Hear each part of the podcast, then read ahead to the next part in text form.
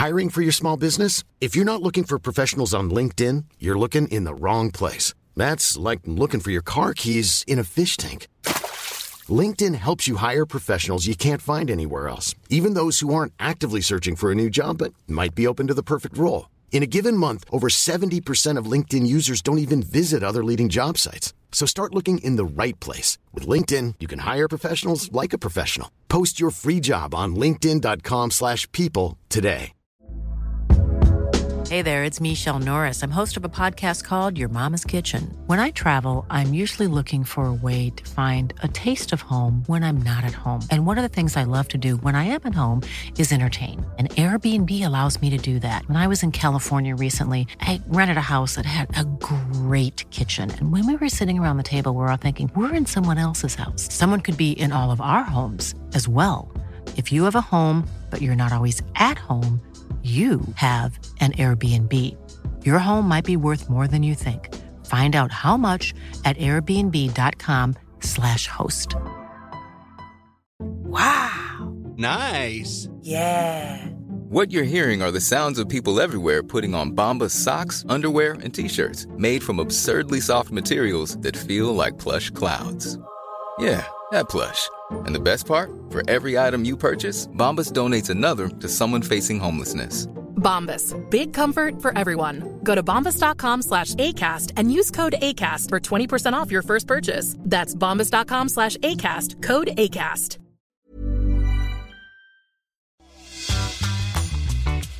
Jeg husker så godt da jeg fant magi. Altså Da jeg begynte å lese den boka, eller altså lese og lese, se på bildene og, og, og klarte å, å, forstå hvordan disse triksene var gjort, så bare kjente jeg at dette er noe for meg. Fordi at det her kunne jeg gjøre alene. Bak scenen med Trond Harald Hansen. Velkommen til en ny episode av Bak scenen. Jeg heter Trond Harald Hansen, og i podkasten Bak scenen så skal jeg ta deg med i kulissene på norsk showbiz-bransje. Her møter jeg kjente artister, kjent fra scene, film og TV. Og i dagens episode møter jeg Alex Alexander. Velkommen til Bak scenen. Tusen takk, hyggelig å være her. Vil du si at du er illusjonist, eller vil du si at du er magiker? Eh, jeg vil vel egentlig si illusjonist. Og det er fordi jeg gjør litt større ting kanskje enn magikeren eller tryllekunstneren, med litt større illusjoner og får damer til å sveve, deler folk i biter, forsvinner, dukker opp andre steder og tar det litt til det neste nivået, da. Mm -hmm. Pluss at jeg føler at det å være illusjonist høres mer moderne ut, og jeg er litt opptatt av å ta magien og illusjonen, om du vil, inn i den nye tiden. At ikke alt hører tilbake til gamle dager, nær sagt mm. Houdinis tid på tidlig 1900-tallet, eller eh, 80-tallet, som mange husker, eh, mye TV-spesialer og sånn fra, men ta det inn i, i dag, og vise det, og gi det 2000-tallet. Du begynte ganske tidlig, du fikk en tryllebok når du var fem år, og det ble liksom starten din. Mm. Hadde du vært interessert i trylling før det, eller var det rett og slett bare en måte å få Alexander til å bli interessert i noe? Nei, det, det, var, det, var, den trylleboka som gjorde det. Da jeg var liten, så var jeg mye alene, eller jeg var mye bare, bare meg, da. Eh, jeg følte ikke alltid at jeg passet inn i de her store gruppene. Jeg hadde ikke så mange selv da jeg var ganske liten. Eh, så jeg fikk jo den trylleboka da jeg var fem år. Så allerede liksom, årene før det så var det Jeg trivdes alene og Jeg husker så godt da jeg fant magi. Altså da jeg begynte å lese den boka, eller altså lese og lese, se på bildene og, og, og klarte å, å, forstå hvordan disse triksene var gjort, så bare kjente jeg at dette er noe for meg. Fordi at det her kunne jeg gjøre alene.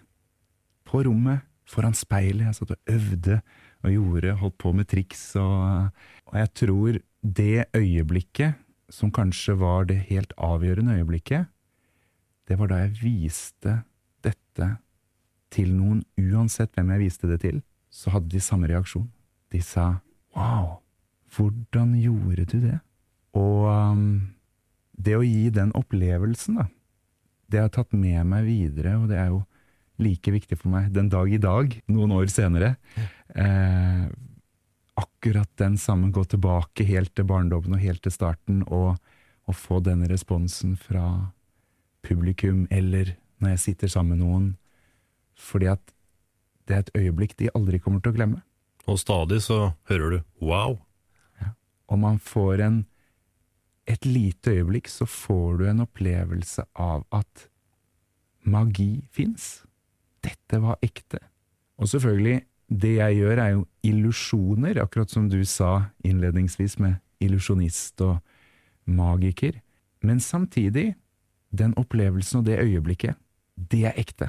Og det er det som er magi for meg, da. For det å skape det magiske øyeblikket, det å skape det lille pusterommet for mennesker og for publikum, det er så viktig. Og jeg tror vi trenger det i dag. Alt går så fort. Det går så fort, og vi skal noe alle sammen, hele tiden. Eh, og så glemmer vi de små tingene i livet og i hverdagen som er kjempeviktige. Og det er å stoppe opp innimellom og huske bare litt sånn litt tilbake til det å være liten og være barnslig. Og da ingenting var umulig. For for barn er ingenting umulig. Nei, hele verden står åpen. da. Helt åpen! Og vi tror på magi. Og, men etter hvert som vi blir eldre, så lærer vi at ting er umulig. Vi lærer om tyngdekraften, vi lærer om eh, eh, at vi må jobbe for å tjene penger, vi kan ikke trylle fram ting, vi må fysisk gjøre det selv, osv., osv. Sånn at alle disse illusjonene, om du vil, fra barndommen som vi har ved å se filmer, ved å oppleve ting, de blir de brister, de blir ødelagt på et eller annet vis, da. Fordi hverdagen og virkeligheten kommer inn og sier at nei, nei, nei, nei, nei, det går ikke. Og det er det jeg håper at jeg får til med det jeg driver med. For det er å gi den lille, det lille pusterommet, den lille opplevelsen at vet du hva, i dag så jeg noe, og det var så kult. Eller jeg bare, jeg skjønte ingenting. For at det er noe som opptar deg, som gjør at du, som jeg sa i stad, du kommer aldri til å glemme det. Og jeg tror det er, jo fortere tiden går, og jo, jo lenger inn på 2000-tallet vi kommer, så tror jeg det er viktig, akkurat det der, å rømme litt fra virkeligheten, om du vil. Mm. Hva sa medelever, da, når du liksom viste fram det her? Forsterka det at du liksom blei kanskje enda mer Kanskje enda mer annerledes, eller blei du liksom mer integrert? Barn kan jo være ganske sånn at de deler, da. Mm. Både ja og nei. Jeg var heldigvis aldri den upopulære personen. Eh, men samtidig så var jeg aldri med på eh, fotballtrening. Jeg hadde ikke Jeg hadde aldri noen av de Jeg var ikke i korps. Altså, jeg følte ikke at jeg passet inn i de settingene. Jeg hadde det helt fint på skolen. Jeg hadde jo venner. Eh, men jeg var aldri den mest populære i klassen. Det var jeg ikke. Men, eh, men jeg følte det at, at det ga meg noe annet. At jeg på en måte da ble ikke ble på utsida av de andre, da. Sånn, jeg var ikke på utsida gjengen, for jeg drev med noe helt annet. Mm. Så alle bursdagene da klassen kom hjem til meg, så, sto jeg i stua og hadde show for de, og gjorde triks og Så jeg tror, uh, jeg tror i hvert fall minnene mine fra det var veldig bra. At de Jeg husker det som noe positivt, og de syntes det var gøy, og Mm. en som turte å gjøre noe annerledes. Ja. Som ikke de kunne gjøre. Husker du ditt aller første triks? Ja, jeg, jeg, husker, eh, jeg husker det, hva det var. Og det var en eh, mynt som forsvant. Mynten ble lagt i hånda, og den forsvant. Og kanskje kom tilbake igjen. Og det forholdsvis, kall det et enkelt triks, og det er kanskje veldig mange som første gang de opplever noe magi som små, at bestefar eller, eller noen tar fram en mynt bak øret, eller sant, gjør noen sånne, sånne ting. da. Så jeg tror det er en veldig sånn kjent, en kjent ting. Men for meg så det ble så magisk, akkurat det at plutselig, fra det ene øyeblikket som det var noe der, og så var det ikke noe der, så var det borte. Det er så ren. Det blir ikke mer magisk enn det. Nei. Eh, så, eh, og så er det Det er ikke en tryllestav, det er ikke en hvit due eller en kortstokk eller Det er en helt vanlig ting. Og jeg ser den dag i dag også, i showene mine, mellom alle disse store illusjonene, så stopper jeg opp, så setter jeg meg på scenekanten, og så spør jeg publikum har vi noen her som kan låne meg en personlig eiendel. Noen ganger er det ringer, gifteringer, forlovelsesringer, diamantringer. Andre ganger kan det være pengeseddel eller en mynt eller noe annet som de har i lomma eller på seg. For jeg opplever det at det blir så mye mer magisk. Ja, vi har sett de her store tingene, alt går an på scenen, sier de. Ja, det er noe lys og det er noe Det er masse vi ikke ser. Så derfor så liker jeg det å gå helt på scenekanten med spotlighten fullt på. De kan se alt, og jeg låner noe av de, og det skjer med den tingen. Med deres ting. Deres ting! Og jeg gir det tilbake til dem, de kan undersøke det. Det er fortsatt den samme, eller plutselig har det skjedd noe med det i mellomtiden, ikke sant? Men det er fortsatt deres inn. Om jeg har en ting som jeg har gjort veldig ofte, for eksempel, er jo at jeg har lånt en eh, At jeg låner ringer eh, av forskjellige personer i publikum. Tre ringer som oftest. Jeg tar de sammen, og på magisk vis så lenker jeg ringene sammen. Så plutselig så henger alle tre ringene inni hverandre. Og så går jeg ned i salen til publikum. Så lar jeg de få lov å holde i ringene selv når de henger sammen. og så spør jeg henger ringene sammen. Ja, sier de. Kan du se din ring? ja, det er den! Og så videre og så videre. Så alle tre får se og holde i sin ring. Og um, så tar jeg de selvfølgelig fra hverandre etterpå. Vi leverer de tilbake igjen. Og det er noe med det øyeblikket, og de sitter og ser på Alle disse skal undersøke er, det, Ja. er det ødelagt. Hva er det som Ikke sant? Og det er fortsatt deres ring. Ja, de har aldri gått ut av syne, de har sett de hele tiden, og de er like hele, det er ikke noe Og det, det blir Det føles nære, da. På et eller annet vis. Jeg føler at det er nære, for det er ikke det samme som at jeg sier 'Å, jeg har en kortstokk fra lomma mi her', ikke sant? og så skal jeg gjøre noe med den, så tenker 'Å ja, det er sikkert noe med den kortstokken', tenker de da. Men så lenge det er deres ting, så kan det ikke være noe med det. Nei. Ikke sant? Jeg hører det med oppretta ermer. I de store arenaene så har vi jo kamera også, som filmer, kommer på storskjerm, som zoomer inn, er live. Eh, så det er liksom umulig å jukse, om du vil. Da. Stilig. Du blei jo relativt tidlig profesjonell. Du hadde første forestilling når du, når du var ti år. Eh, Da har du holdt på i fem år. Har du øvd hver dag? Har du øvd eh, mange timer hver dag, eller åssen er liksom den prosessen der? Eh, svaret på spørsmålet er ja. Jeg øvde og øvde og øvde. Og det her var jo da fra trylleboka. Mm, Og jeg, jeg så og jeg lærte meg med ting jeg hadde hjemme. Det kunne være sånn som her har du en tusj liggende, ikke sant? eller en kaffekopp uh, her, eller uh, en skje uh, fra skuffen med bestikk. Sånne type ting var det jeg lærte meg fra den trylleboka. Og så var jeg sammen med mamma i lekebutikken og kjøpte noe sånn tryllesett som jeg skulle lære meg. Men på et eller annet tidspunkt så er det akkurat som du kommer ikke videre derifra. Så jeg eh, Da jeg var liten, så tok mamma og pappa meg alltid med til Sommerland i Bø. Og det er sikkert veldig mange som har vært der på somrene og bada og lekt, og ikke minst også, den gangen, sett på show med klovnen Melvin Tix. Og jeg husker da jeg, jeg var så inspirert av å se på han. Jeg syntes det var så gøy, jeg syns det var helt fantastisk, det han gjorde. Um, og jeg tror jeg var åtte år. Åtte år var jeg. Så fant jeg telefonnummeret hans, og det viste seg at han bodde i Sandefjord. Uh, og jeg bodde jo på Nøtterøy utafor Tønsberg, så jeg var liksom rett neste byen, for å si det sånn. Uh, så jeg ringte han.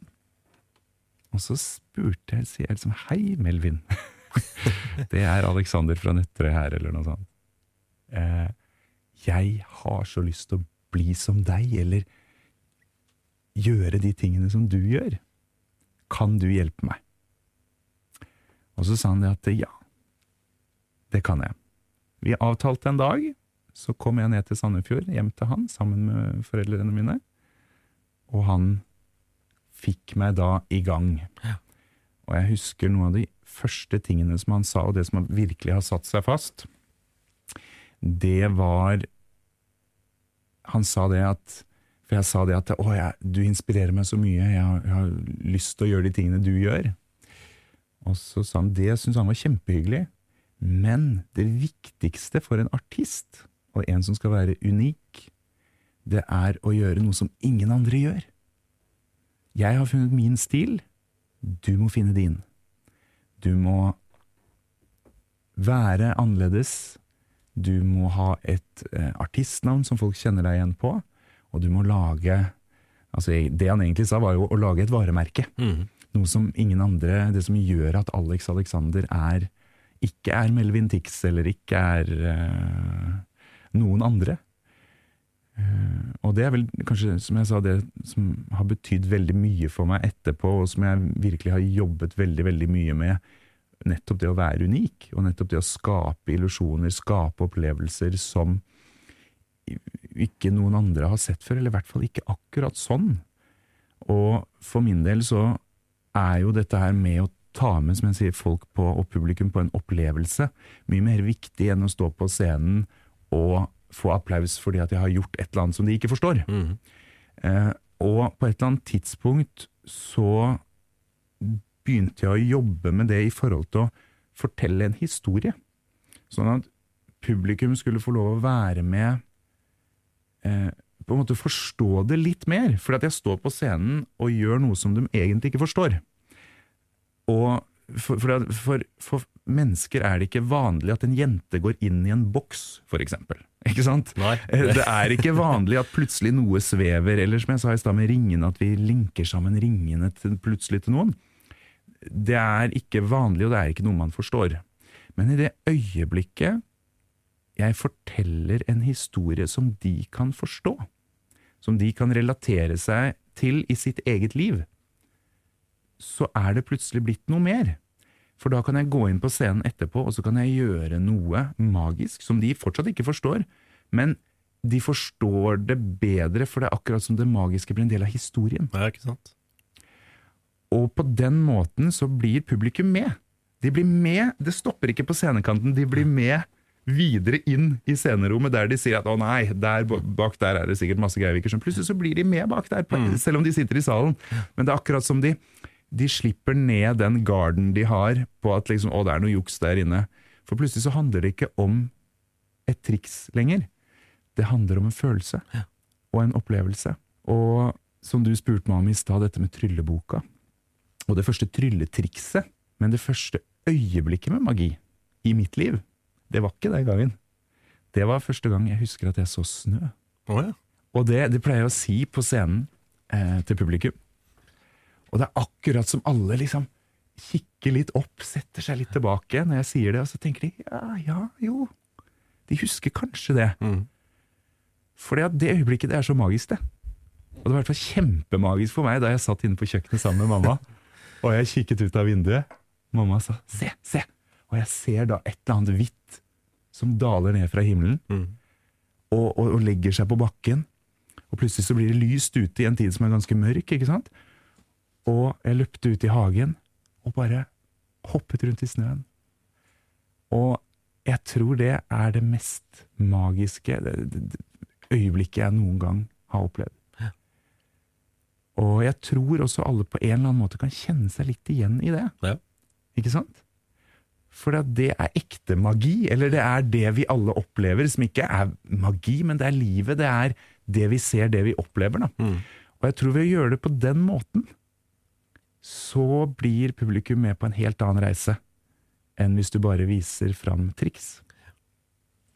Hvordan er eh, publikum da? Er de litt sånn eh, sånn på siden, Nei, dette tror vi ikke helt på, eller dette, dette her altså Har de i utgangspunktet en slags motstand? Liksom, her må du overbevise meg, eller er folk med? Begge deler. Du har ehm, Du har forskjellige typer publikummere. Eh, og du har, du har de som er fans.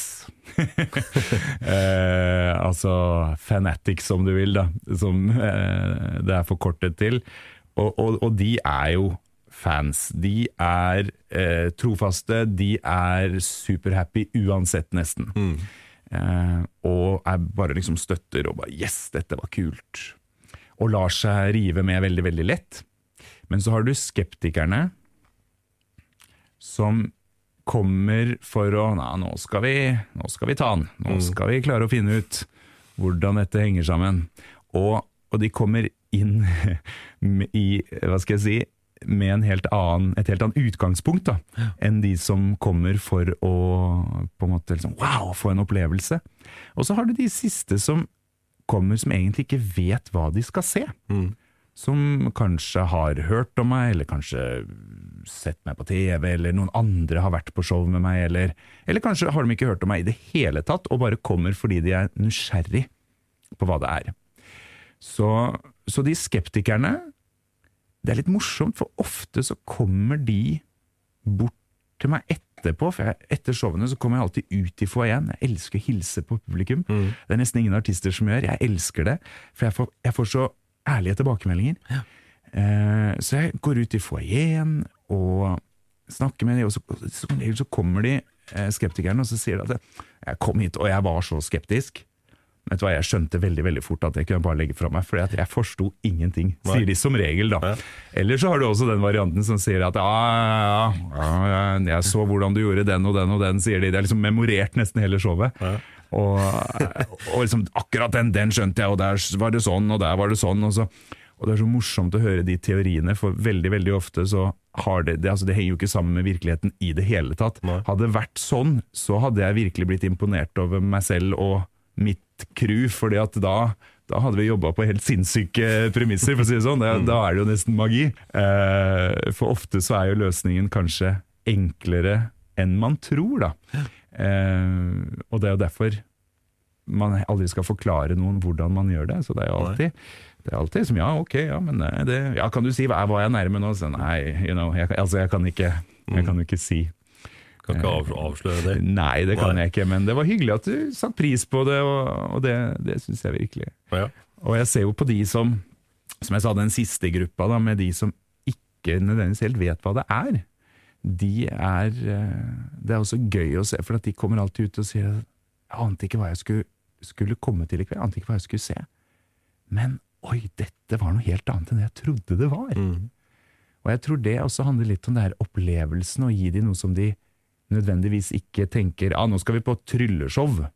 For min visjon har alltid vært å ta trylleshow Jeg snakker masse med Tore Torell om dette her, en av mine gode venner gjennom mange, mange år. Og det å gi Det å så, altså, ta trylling og tryllekunst fra i hvert fall sånn som jeg følte veldig da jeg satte i gang med disse tingene her, på, sånn ordentlig på 90-tallet, da, eh, så var tryllekunstnere noe som var på juletrefester, på, i barnebursdager, og på høyfjellshotell, og alle lagde ballongfigurer. Eh, halvparten hadde røde neser og kostymer, og, og trylling var noe som du forbandt med noe som var for barn. Og noe som, ja. De voksne liksom satte av ungene, så kunne de gå og, og, og drikke et glass vin, eller spise middag, eller, eller gjøre noe andre. Eller gå på konsert, for de ville ha en eller annen rockestjerne eller en eller annen popartist som de skulle på, mens de andre, tryllekunstneren, var for ungene. Ja, for jeg jo ser for meg liksom sånn trylleshow. Da tenker jeg klovn, og jeg tenker uh, flossast, også en hare ut av den. Ja. Det er liksom den klassiske, da, men det er, det, er jo, det er jo så utrolig mye mer, da. Min visjon er jo å ta det bort fra det barnebursdagstempelet, da. Og ta det inn i de store salene, inn i operasalene, teatersalene, konsertarenaene, som egentlig det aldri har vært kanskje et trylleshow eller et illusjonsshow før. Og, og det å gjøre det utradisjonelt, og få folk til å kunne gå ut her, ha en helkveld ute. Ja, du kan ha med familien, det passer for hele familien. Du kan ta med kompisgjengen, du kan ta med eh, svigerforeldrene, besteforeldrene, eh, drikke et glass champagne først, gå ut og spise middag, komme på show, og ha en hel kveld med noe som passer litt. Det er noe for alle, da. Eh, Så det har, det har vært veldig viktig for meg. Jeg husker jo eh, da jeg meldte meg inn i Den magiske sirkel, som er en forening for magikere og tryllekunstnere. Overalt i hele verden så har de en magisk sirkel, stort sett i alle land nesten. Og jeg var tolv år på det tidspunktet, og så husker jeg så godt at de, de eldste tryllekunstnerne og presidenten, og det var veldig sånn ærverdig, og det var veldig sånn Alt skulle være etter visse retningslinjer, da. Og um, så spurte de meg, husker jeg veldig, veldig godt, ja, hva, hva jeg ville med min magi og, og liksom mitt artisteri, da. Så sa jeg jeg har lyst til å være illusjonist. Jeg har lyst til å bli den som klarer å få magi til å bli respektert underholdning i Norge. Ja, nei, det, det trodde de at det, det var så mange som hadde prøvd på det før meg, og ingen hadde lykkes, så hvorfor skulle jeg? Hvorfor skulle lille Alexander på tolv år, nylig medlem i Den magiske sirkel, hvordan skulle han klare å fylle de største salene i Norge, når ingen har klart det før meg? Nei, det trodde de ikke noe på. Og det ga meg bare inspirasjon til å jobbe meg dit. Men du må være annerledes, og du må tørre å klare å gå i motbakkene og ikke gi opp, da. Akkurat som da jeg var liten og satt på rommet foran speilet og øvde på alle disse små triksene, til i dag eh, hvor jeg får lov å reise, ja, ikke bare Norge rundt, men etter hvert også verden rundt, og, og se det at liksom, Og det fungerer like bra uansett om jeg er i Bombay i India på andre sida av jorda, eller om jeg er her i Oslo konserthus, eller hjemme i Tønsberg, eller altså Det er en utrolig følelse. Ditt aller første show, hvem var det som hjalp deg med det? Du må jo ha hatt noe hjelp? Det er helt riktig, det var bestefar. Det var bestefar. Jeg var ti år. Han var leder for bondelaget i Stokke. Eh, for han var jo bonde, først eh, potetbonde, og så ble han jordbærbonde. Og eh, han sa det at Han liksom fulgte meg opp gjennom årene, da, ikke sant. Og nå ville ha meg til å opptre som underholdning på juletrefesten til Bondelaget. Jeg husker ikke helt hva jeg fikk i betaling for det, men det var vel kanskje noe sånt som 100 eller 200 kroner, eller et eller annet sånt. Eh, og jeg husker han syntes han var så stolt over at barnebarnet, da, første barnebarnet, kunne komme og, og opptre. Eh, og den gangen så var det en klovneskikkelse. Litt som Melvin Tix, litt som det jeg hadde sett, og det å på en måte kunne være en karakter som ikke eh, altså, For at når du er en karakter, så har du lov å bomme. Skjønner du litt hva jeg mener? Du, kan, du kan gjemme deg litt bak en maske eller bak en karakter, som kan, og eksempel en klovn, for da kan du fjase det bort eller tulle det bort. eller Der er jo det lov. det er lov! liksom. Ja, det er helt riktig. Hvis du står og sjonglerer Melvin Tix lærte meg å sjonglere. Eh, står og sjonglerer med tre baller, så mister du den ene ballen, og så vil publikum le. Og så blir det plutselig bare en del av showet. Ikke sant? Men som deg selv så kan du ikke miste den ballen, for da vil ikke publikum le. Da vil de tenke 'oi, nå gjorde han feil'. Og jeg tror det var en veldig god lærdom de første årene, det å være i en sånn karakter, i en skikkelse. Eh, Og nå i dag så har jeg kastet alt det helt bort. Jeg vil ikke være i noe karakter. Nei. Jeg syns det er mye viktigere å være åpen og ærlig og vise hvem jeg er. Og selvfølgelig, noen ganger så går det jo feil for meg i dag også. Faktisk Menneskelig, det. Menneskelig, men også flere ganger faktisk enn man kanskje tror at det gjør. Mm. Men det er klart, man får erfaring og jobber seg dit at folk ikke merker det. Nei, du er kanskje bedre på å skjule det nå etter hvert enn det du var. Helt riktig. Og, og det er alltid en exit. Vi har alltid en exit på hvordan, altså en utgang på hvordan vi eh, løser et nummer hvis noe går feil underveis. Og, eh, så, og jeg også når jeg gjør ting med publikum. Og det er alltid, det er alltid flere utveier hvis eh, noe skal gå galt. Så, så det er liksom det. ja. det som jeg sier, show must go on, det er jo et begrep som har blitt veldig veldig kjent. Og spesielt i showbiz så er det alltid sånn ja, men vi må bare fortsette, vi kan ikke stoppe opp. Eh, showet må fortsette uansett, og uh, jeg har jo hatt ganske mange dramatiske historier på scenen, men allikevel holdt det gående. For publikum er der, de har betalt en billett for å se deg, og du skal liksom ikke skuffe de på et eller annet vis. da. Nei. Så, og det er jo det jeg alltid har likt med Etter hvert som jeg har blitt eldre, og tørt å lage og gjøre mitt eget show. Altså Jeg har alltid laget mine egne show, men fra de første gangene i barndommen og ungdomstida hvor du blir leid inn som underholdning, og fortsatt blir jeg jo leid inn som underholdning på forskjellige eventer, firma, arrangementer og og sånne ting. Men da er det Da blir publikum påtvunget en underholdning som de ikke egentlig har bestilt.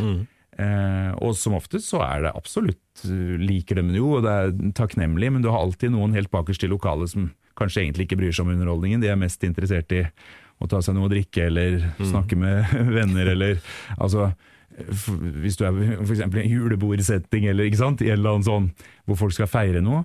Mens i mitt show så kommer de, de har betalt en billett for å se meg. Og det er et helt annet takknemlig publikum, da. Fordi at de, de er der for å se. Og det er derfor jeg liksom virkelig jobber med det, å kunne ha mitt eget show. Og da kan jeg også utvikle mitt eget show. Jeg har ingen begrensninger på det at ja, du skal inn mellom hun sangeren og han eh, som skal spille trommer, og du har alltid masse backline og instrumenter bak deg, så du kan ikke få inn de store tingene. Det er trangt på scenen, ikke sant? Ja, det blir liksom sånn halvveis. Ja, liksom. det blir aldri 100% da. Det kan det ikke bli. Eh, men i mitt show kan det det. Fordi at når vi kommer til et konserthus, så er det helt tomt. Og vi har laget opp Vi vet akkurat hvordan det skal være for å gi den ultimate magiske opplevelsen den kvelden.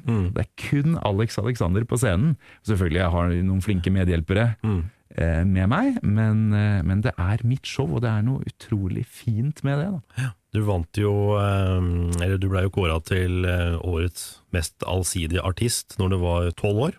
Ja, Det var jo også Den magiske sirkel. ja stemmer. Hvordan er det å, å få en sånn anerkjennelse etter så kort tid? da? Du har liksom bare holdt på sju år. Ja, det var jo faktisk bare noen måneder etter den tilbakemeldingen eh, fra da jeg var der inne, da jeg ble medlem.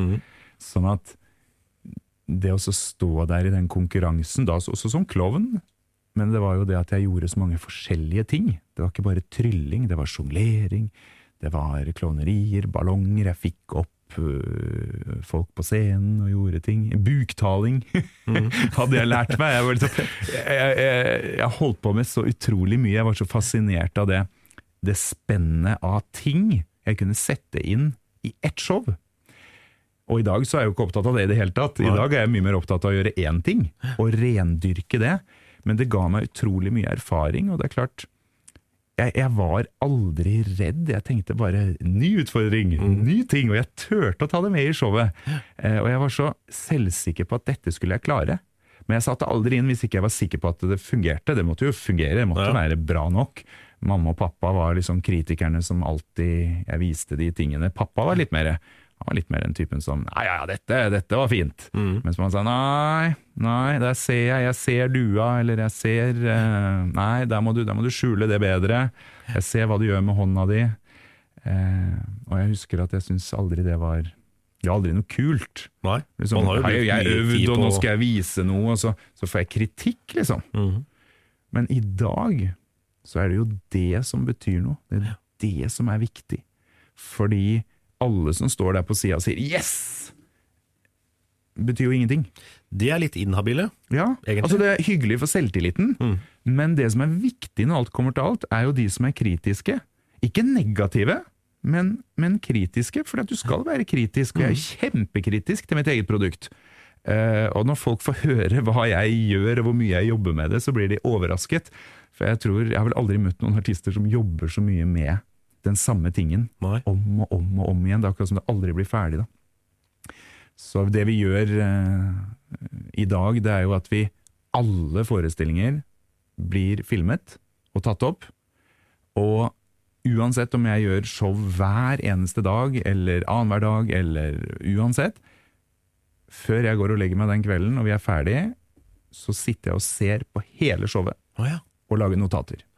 Sånn at alle notatene til lyd, til lys, til følgespottene, til eh, scenearbeiderne, til danserne, til eh, assistentene, alle liksom, og til, og til meg selv, ikke minst. Og så ser jeg gjennom og sender ut før jeg legger meg, til alle det gjelder. Ikke som kritikk, men bare 'dette må vi rette til i morgen'. Og det er ikke alltid vi får rettet det til i morgen, men teller til dagen etter. Men vi, vi er obs på det, vi tenker på det. For etter hvert når du får gjort en ting mange ganger, så går det på rutine. Og det er farlig. Det skal være rutine fordi at ja, da blir ting bedre, men samtidig så kan du også komme inn på et spor Det er veldig fort gjort å låse seg til det sporet som, helt som kanskje blir litt feil. da. Og så kan det bli litt mer feil, og litt mer feil, og litt mer feil, og du merker det ikke engang, for du bare gjør det, ikke sant? Ready to pop the question? The jewelers at BlueNile.com have got sparkle down to a science with beautiful lab grown diamonds worthy of your most brilliant moments. Their lab grown diamonds are independently graded and guaranteed identical to natural diamonds, and they're ready to ship to your door. Go to BlueNile.com and use promo code LISTEN to get $50 off your purchase of $500 or more. That's code LISTEN at BlueNile.com for $50 off. BlueNile.com code LISTEN. Since 2013, Bombas has donated over 100 million socks, underwear, and t shirts to those facing homelessness. If we counted those on air, this ad would last over 1,157 days. But if we counted the time it takes to make a donation possible, it would take just a few clicks. Because every time you make a purchase, Bombas donates an item to someone who needs it. Go to bombas.com slash ACAST and use code ACAST for 20% off your first purchase. That's bombas.com slash ACAST, code ACAST. Så det har vært så viktig for meg det å på en måte aldri bli ferdig. Det, det, det er en prosess som alltid kan alltid bli litt bedre. Alltid bli liksom Ja, eh, liksom helt på sånn mikroskopisk nivå. For når vi setter det til live på scenen, så Når du øver, så kan det bli bare så bra. For det er først når du får satt det på scenen og du får publikum i salen, det er da du virkelig, virkelig begynner å jobbe med det. Ikke sant? Det er bra nok til å vise når du har øvd det inn, men så må du faktisk presentere det. Du må opptre med det. Det er eneste måten å få det bedre på, så du må jobbe da med det kveld etter kveld, etter show etter show. Nye mennesker inn. For folk reagerer forskjellig. Noen ler av den ene vitsen, andre ler av den andre. ikke sant? Ikke sant? Noen klapper av den illusjonen, andre klapper ikke på den. ikke sant? Så det, du vet aldri, da. Så det er derfor du Det er som jeg sier, hele tiden en sånn evig prosess. Eh, I hvert fall for meg. eh, For jeg føler ikke eh, Og jeg syns ikke som entertainer så syns jeg aldri du skal være fornøyd. Du skal hele tida strekke deg. ja, du kan alltid alltid gjøre ting litt bedre, eller liksom alltid sånn der Der burde jeg kikka inn i kamera hvis jeg gjør en TV-opptreden, der burde jeg gjøre sånn. Jeg er så bevisst på alle de små detaljene. Eh, og og det, jeg tror det er det som gjør forskjellen, da. Eh, og du, selvfølgelig, du skal ikke bli Du skal aldri gå etter et show og tenke nei, dette var et dårlig show. Selv om kanskje én ting ikke fungerte som det skulle. Eh, du må alltid tenke at du har gjennomført et bra show, men liksom ah, jeg kan bli, gjøre det enda litt bedre. bedre.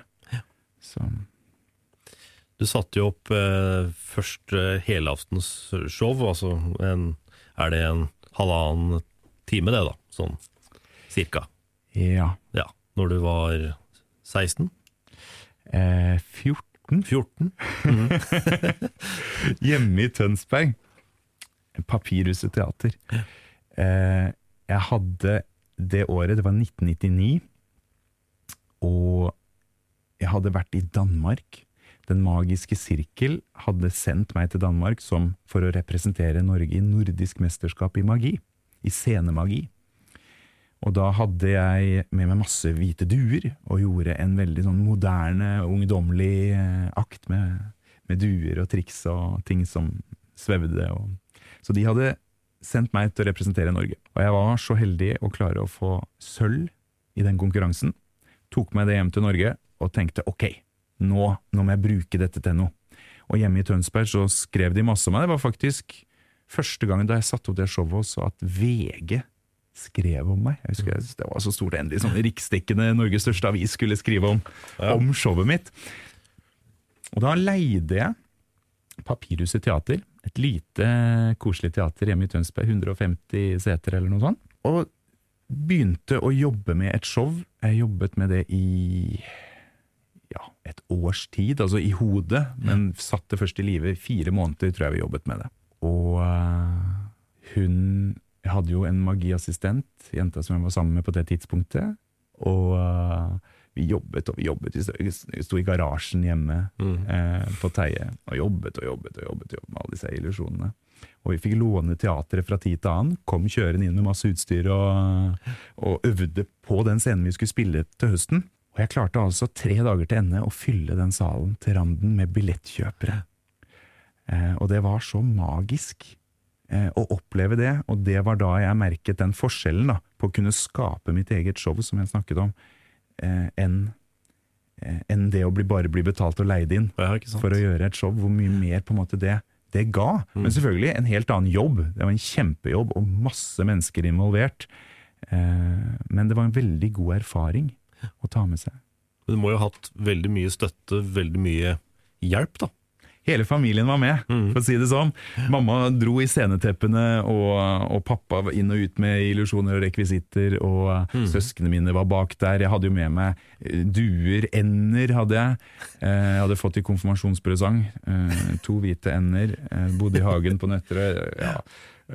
Høner hadde vi med, en ara-papegøye. Så søsknene mine de var jo dyre Ordnet med dyrehold backstage. Dyrepassere. Dyrepassere, og fikk eh, enden inn i illusjonene, og, og hjalp til med de, og mata de, og, og så, så, så Ja, det ble liksom en sånn slags familiegeskjeft når vi holdt på, holdt på der. Og uh, det var en utrolig opplevelse. Det var veldig slitsomt, men det var også gøy. Gøy å skape det, men også gøy å gjøre noe med familien. Som etter hvert også ble med og reiste masse. Fordi vi hadde det så fint sammen. Det må jo ha tatt veldig mye tid. Åssen er det med skole og utdanning oppi det? Er det langt bak? Ja, jeg fant jo liksom aldri en linje som passet helt Nei. til det jeg drev med. Så jeg tenkte da jeg skulle ut av ungdomsskolen, så mm, hva, hva skal jeg bli når jeg blir stor? For da jeg var liten, så hadde jeg alltid lyst til å Jeg hadde lyst til å bli politi, det var det første jeg skulle bli. Jeg hadde lyst til å liksom Det var tøft å kunne hjelpe andre og ehm, og så, Men så etter hvert så var det sånn hun Skulle jo bli, bli artist, da. Det var liksom det som, som fanget meg. Og det å stå på scenen. Så tenkte jeg ok, musikk, dans og drama må jo være en linje som, som passer. Så kanskje jeg kan bruke det til noe. Og um, første året, da har jo alle litt av alt. Og så tenkte jeg ok, videre nå, hva, hva gjør jeg? Jo, jeg tar drama. Eh, for å lære meg mer om hvordan stå på scenen, hvordan bruke kroppen og sånn. Men eh, det gikk et halvt år da jeg startet. Jeg var jo 16 år. Eh, og da ble jeg kalt inn kontoret, på kontoret til rektor på, på skolen. Så sier han det at du Alex, nå, nå har du så mye fravær.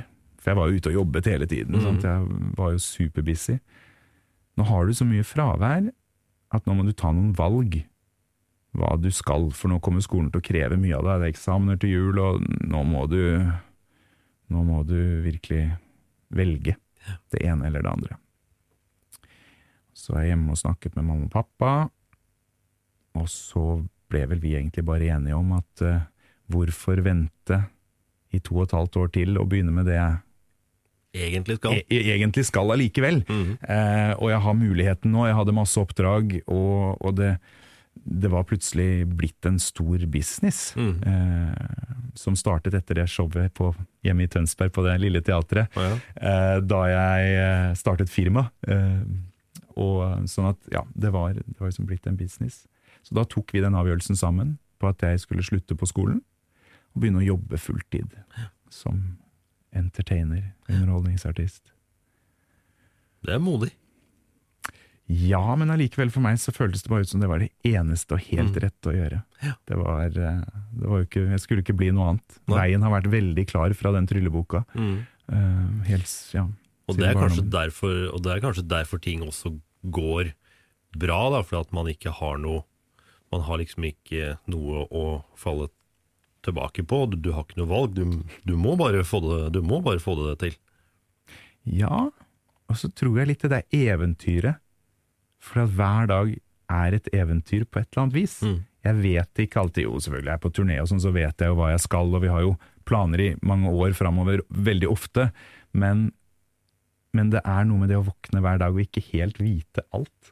Og det er jo fortsatt innimellom slaga hvor det plutselig går en måned uten at jeg, som jeg ikke vet hva skal skje denne måneden. Og det er en sånn Det er en litt sånn spennende følelse. Det å aldri helt vite hva som skjer for hele fremtiden. Det å ikke ha den A4-strukturen i livet. da. Jeg har aldri villet ha det. Nei. Jeg er ikke sånn, for jeg, jeg blir rastløs. Jeg, og det tror jeg er entertaineren i meg, samme Ja. som å sitte på skolebenken, liksom det som aldri helt passa. Fordi at jeg, jeg Jo, det er fint med en utdannelse, men sånn som min utdannelse har blitt, så har det jo vært livet mitt. Har blitt utdannelsen min? Og, og virket mitt, eller, eller hva skal jeg si for noen livs... Jeg kaller det livsstil. Jeg kaller jobb med en livsstil, for at det er så mye mer enn bare en jobb. Det er hele livet mitt. Det Det er alt jeg gjør. hele livet. Ja, jeg tenker og ånder for det. ikke sant? Jeg reiser masse, og jeg, jeg elsker det. Jeg liker å møte mennesker, se andre kulturer i andre land, uh, ute og spise på restauranter. altså Alle mulige opplevelser det livet har å by på. da. eh, og det for meg å på en måte gå til den samme jobben hver eneste dag til det samme tidspunktet, eh, og ha fri i helgen, ut med familien på den faste hytta hvert år eller hver. Sant? Jeg, jeg, jeg, jeg kunne aldri levd et sånt liv. Og, og for all del, jeg forstår jo virkelig de som vil ha det sånn, eh, å ha de faste, trygge rammene, men jeg er ikke så opptatt av det. Nei. Det er eventyreren som tenker at nei, det ordner seg det.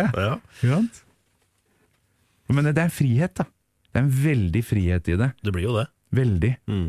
Og jeg har alltid sagt at jobben, eller hobbyen min, ble jobben.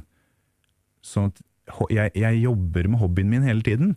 Men det er klart, jeg kjenner jo fra tid til annen at, at det blir mer jobb. Mm. Og at noen ganger så har jeg behov også for bare å lokke igjen den at nei, åh, ikke noe trylling i dag.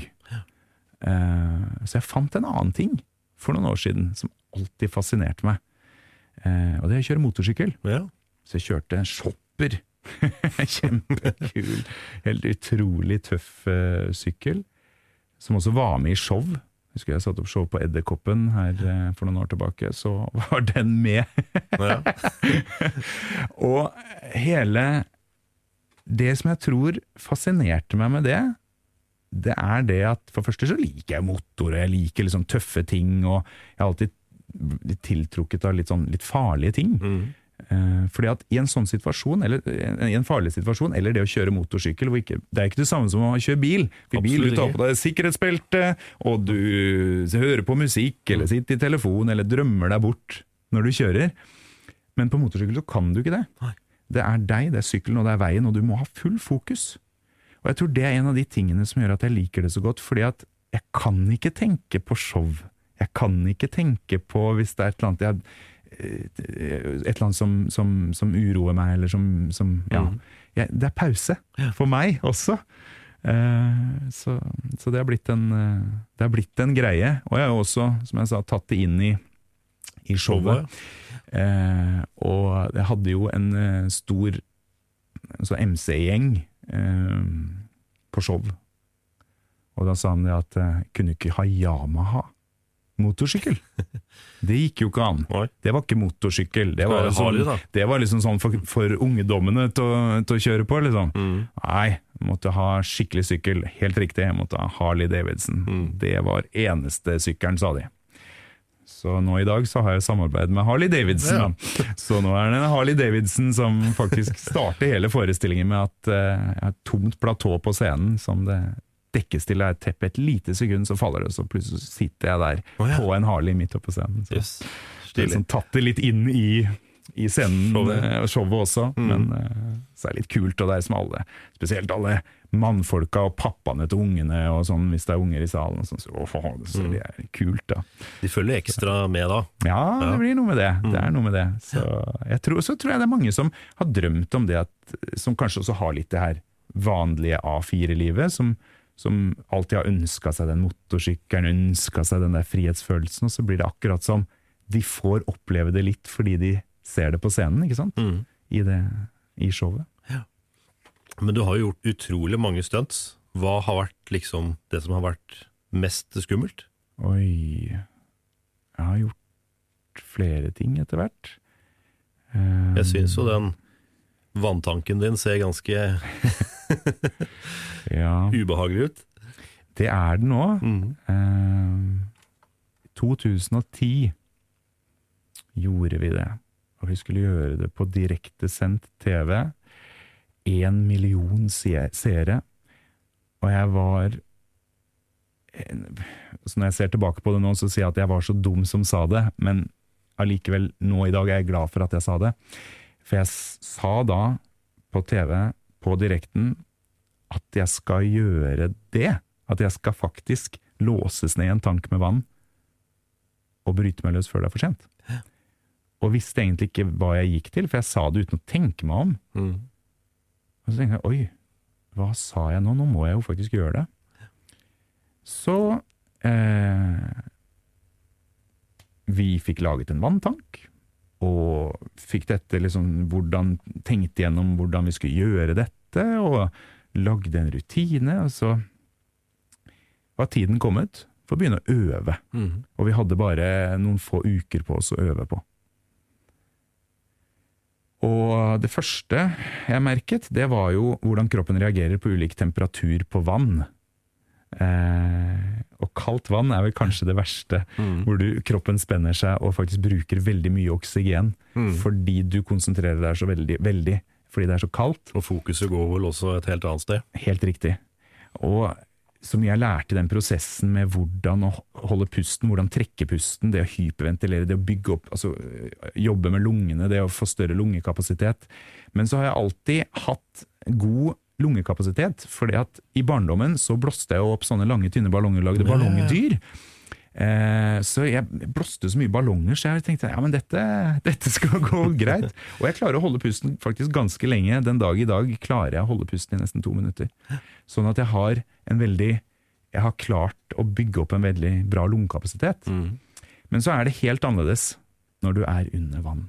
Og du får trykket ikke sant, i hodet, og det, opplevelsen, og ikke minst også det at du skal faktisk opptre nede i vanntanken.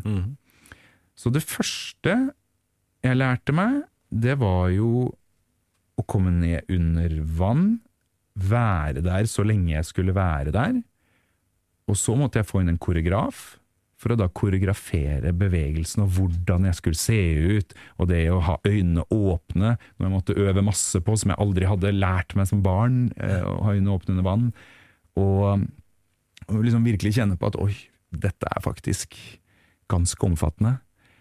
Eh, men vi fikk det til, og jeg klarte å komme meg løs, og, og det gikk bra. Men alt, når vi øvde på disse tingene, så gjorde vi det uten å ha lokket på. Så jeg var aldri låst fast nede inne i tanken. Altså jeg hadde på meg håndjern, men jeg, jeg, lokket var ikke på. Nei. Så jeg kunne når som helst bare reise meg opp og trekke luft. Så da sa jeg, nå har jeg øvd inn, dette går fint, jeg klarer å få det til. Så da sa jeg, nå trenger ikke dere tenke på meg, nå fikser jeg dette her, så nå må dere øve inn koreografi. Altså de, når de skal låse lokket og gjøre alt det de skal, da, alle de andre hjelperne mine rundt. Så de så jo ikke på meg. Og de setter på det lokket, og jeg får fullstendig panikk. Og klarer ikke å komme meg løs, og kaver, og jeg får ikke av meg hånd. Jeg, altså, det var helt, og jeg prøver jo å få kontakt med de, men de, er jo ikke, de hører jo ikke meg, de ser jo Nei. ikke meg, de er opp- opptatt av sine ting. Opptatt. Eh, og det der var helt merkelig, for at jeg, jeg trodde jeg hadde ganske bra selvkontroll, men da ble jeg faktisk grepet av panikk. Og eh, det føltes ut som jeg holdt på å drukne. De hadde helt sikkert fått meg ut, og de fikk meg jo ut etter hvert, og, men det var utrolig skummelt. Og jeg gulpet opp masse vann og ble livredd, og tenkte bare at nei, dette tør jeg ikke. Dette dette er farlig, ass. Eh, Så jeg måtte ta en uke pause. Ville ikke øve ingenting. Så tenkte jeg, men jeg må jo faktisk prøve å gjøre dette her. Så jeg tok eh, baby steps, altså tok det litt og litt etterpå. Eh, og vi jobbet masse med det, og jeg gjorde det, og jeg kom meg ut på direktesendt TV, uh, og uh, det gikk bra. Så, um, og etterpå så har den jo vært med meg en del eh, rundt omkring når jeg har vært på turné og, Ja. og gjort andre steder. og Fått masse erfaringer med varmt vann, holdt på å bli kokt en gang, kaldt vann, nesten ikke klarer å komme ut i tide. Og, så, men det er rart med det når du klarer å overvinne en frykt, når du først har gjort det og klarte det. Mm. Og, og det som var for meg, var å gjøre den direktesendingen, for da visste jeg at da klarte jeg det, da var det ikke farlig lenger. Da har jeg vært i den mest pressa situasjonen jeg kan tenke meg i en sånn sammenheng, eh, og kjempa bokstavelig talt for livet, men klart det. Og, og den mestringsfølelsen der, og det har jo gjort at jeg i ettertid av det også har satt meg selv i andre ekstreme situasjoner. Rett og slett litt bitt av basillen, fordi at når du klarer å mestre noe, så har du lyst til å mestre noe mer. Hva sier TV 2 da, som liksom sto øh, kanskje på sett og vis ansvarlig for det her, da? Ja, de var skeptiske. Mm. Eh, for jeg sa det jo også uten å ha snakket med de. så, så de var sånn Hæ, skal du gjøre dette her? Og de var veldig bekymra for, for alt sammen, egentlig. Eh, men de sa at ok, vi, vi stoler jo på deg og at dere har kontroll og, og sånn. Og de sto jo scenearbeidere på siden med slegger til Ja. å kunne banke opp den her vanntanken, det her eh, holdt jeg på å si, akvariumet. Denne glass, eh, glasstanken, eh, i, i, i tilfelle jeg ikke skulle komme meg ut. da.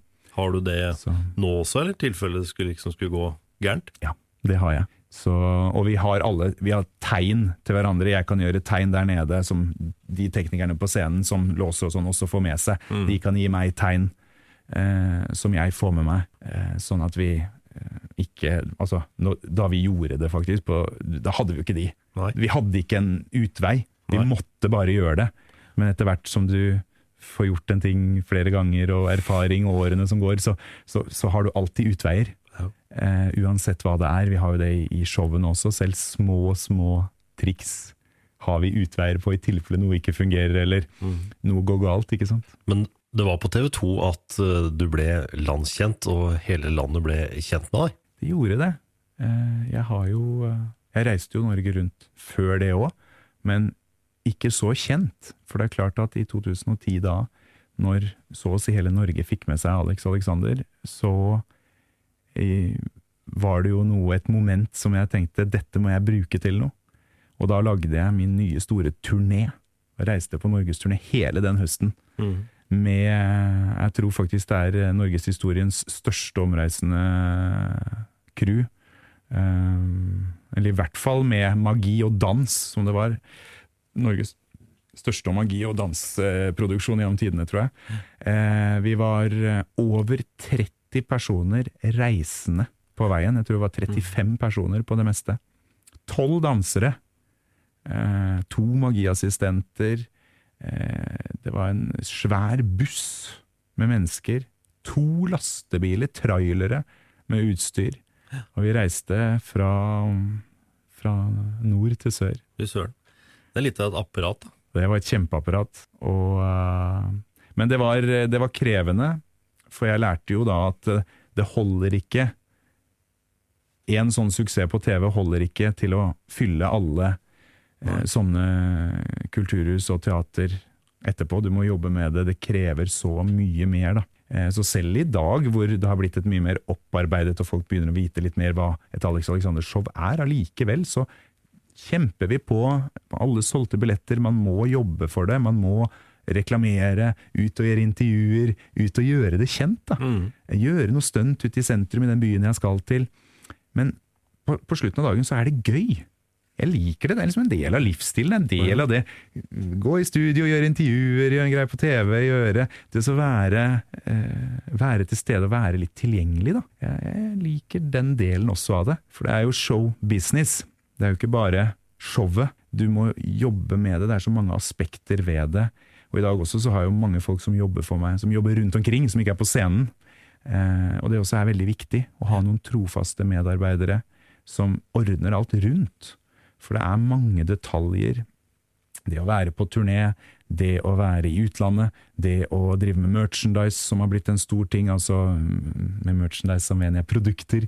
T-skjorter, plakater, tryllesett, julekalendere, som er eneste magisk, magikeren i verden som har en magisk julekalender. Eh, og liksom det, det, det blir Business-siden av det etter hvert er veldig viktig. Og jeg har egentlig aldri hatt lyst til å være businessmann. Jeg har hatt lyst til å være artist, men du blir jo litt businessmann når Ja, du driver det, ditt eget firma. det og- blir jo en naturlig del av det. ja, det, det gjør det. Men, eh, men jeg har lyst, sånn som i dag, så setter jeg bort så mye som mulig av det jeg kan, eh, for å kunne være mer kreativ, kunne jobbe mer med produktet. Mm.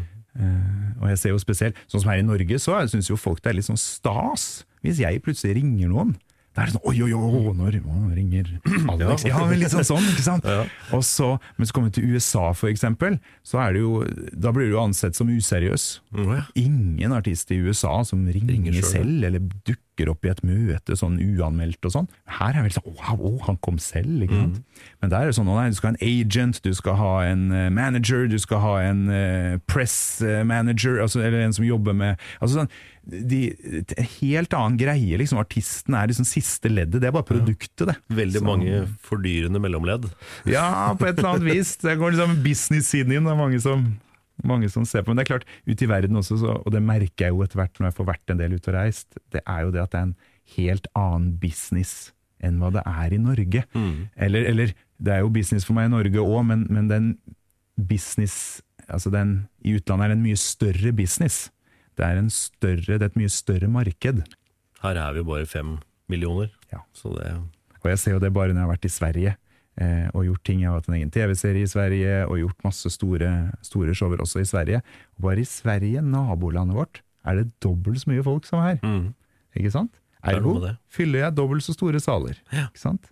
Så, så det er jo det, og jeg ser jo det sånn som når vi har vært ute i Europa og i Nederland, eller i USA for den delen også, hvor det er veldig mye folk. Eller India, helt på andre sida jordkloden, eh, hvor jeg var for nå, ja, et par års tid siden.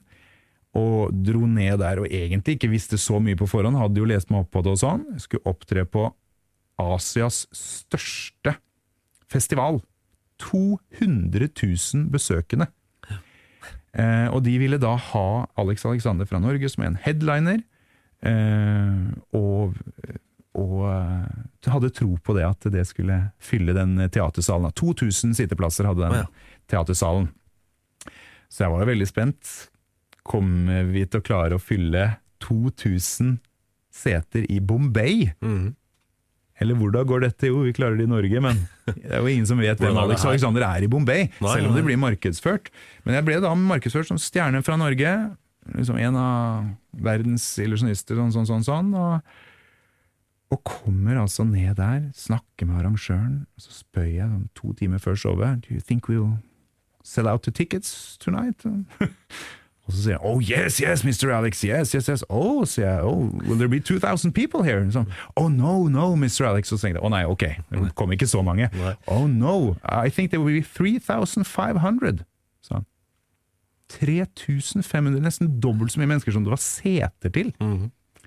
Og det var altså så mye folk. De satt i midtgangen, foran scenen, foran eh, Og vi snakket om det når vi var der bak scenen, at vi må Hvor er et vindu, hvor er eh, backstage-døra, sånn i tilfelle noe skjer at vi kommer oss ut. For at nødutganger og sånn. Det er altså, ikke noe som tenker på Nei, det. ikke i det hele tatt. Det er så mye Nei. folk, vet du. Det er så sinnssykt mye folk. Og de fyller opp til det er fullt. Mm. Bokstavelig talt. Det er nesten så de fyller i høyden. Eh, og det å komme ut og stå på den scenen og opptre for så mange mennesker i India, og det, det var helt utrolig. Så, så det er Og jeg ser hvor mye jeg jobber for å gjøre navnet mitt kjent, hvor mye jeg jobber for å selge disse billettene i Norge. Og, og liksom folk sånn her mm, Hva er det, ikke sant? Trylling, mm. Litt usikre på Litt usikre. Vi, altså, vi, vi fyller salene her i Norge, vi gjør det, men vi jobber hardt for det. Mm. Så kommer vi på andre sida av jordkloden, og jeg har ikke engang vært der og promotert. Jeg har ikke gjort et intervju på forhånd. Jeg kommer kun ned, opptrer for dobbelt så mange mennesker som det er plass til i salen, og drar igjen. Det må være gøy. Det var utrolig gøy.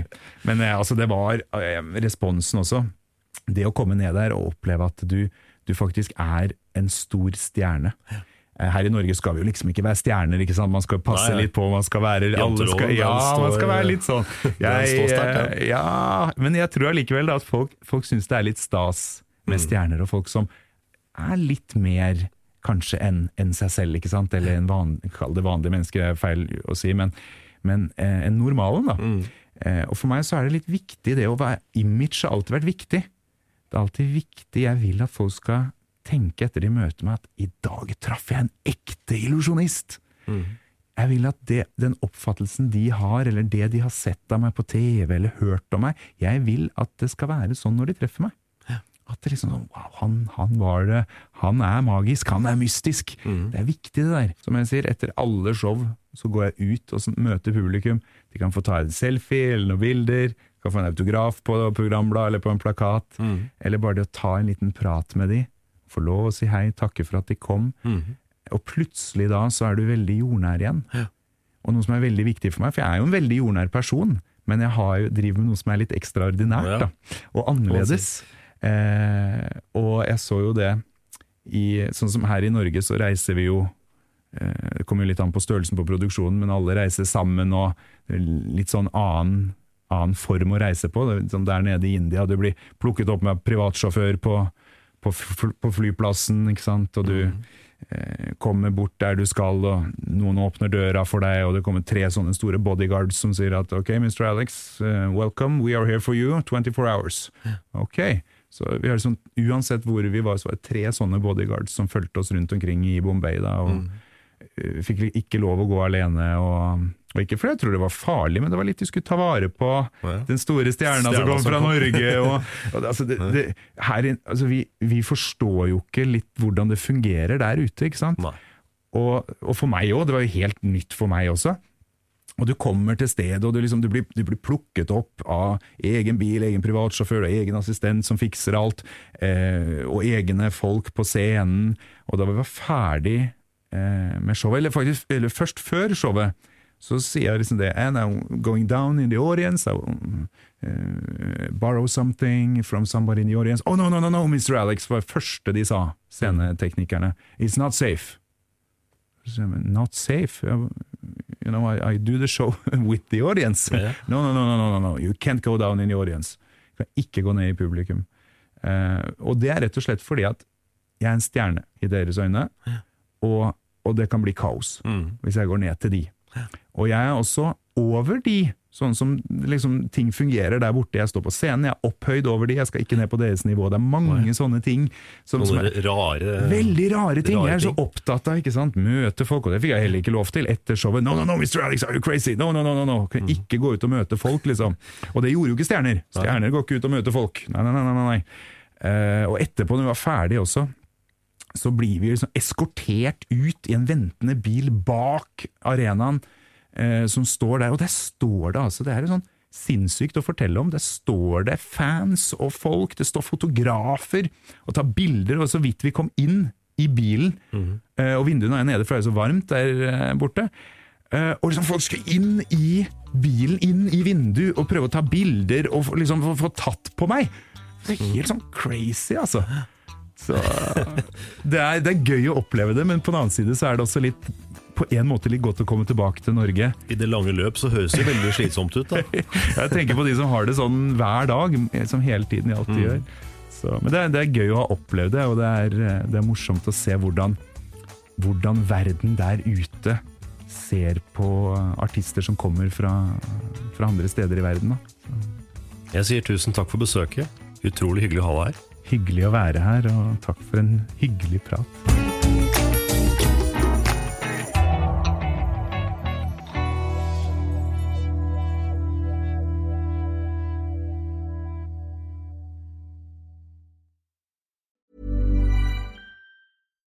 Deserves the best, and there's no better place to shop for Mother's Day than Whole Foods Market. They're your destination for unbeatable savings, from premium gifts to show-stopping flowers and irresistible desserts. Start by saving 33% with Prime on all body care and candles. Then get a 15-stem bunch of tulips for just $9.99 each with Prime. Round out Mom's menu with festive rosé, irresistible berry chantilly cake, and more special treats. Come celebrate Mother's Day at Whole Foods Market. Planning for your next trip?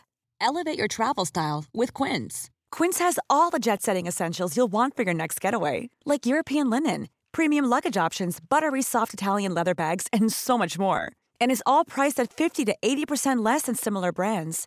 Plus, Quince only works with factories that use safe and ethical manufacturing practices. Pack your bags with high-quality essentials you'll be wearing for vacations to come with Quince. Go to quince.com slash pack for free shipping and 365-day returns.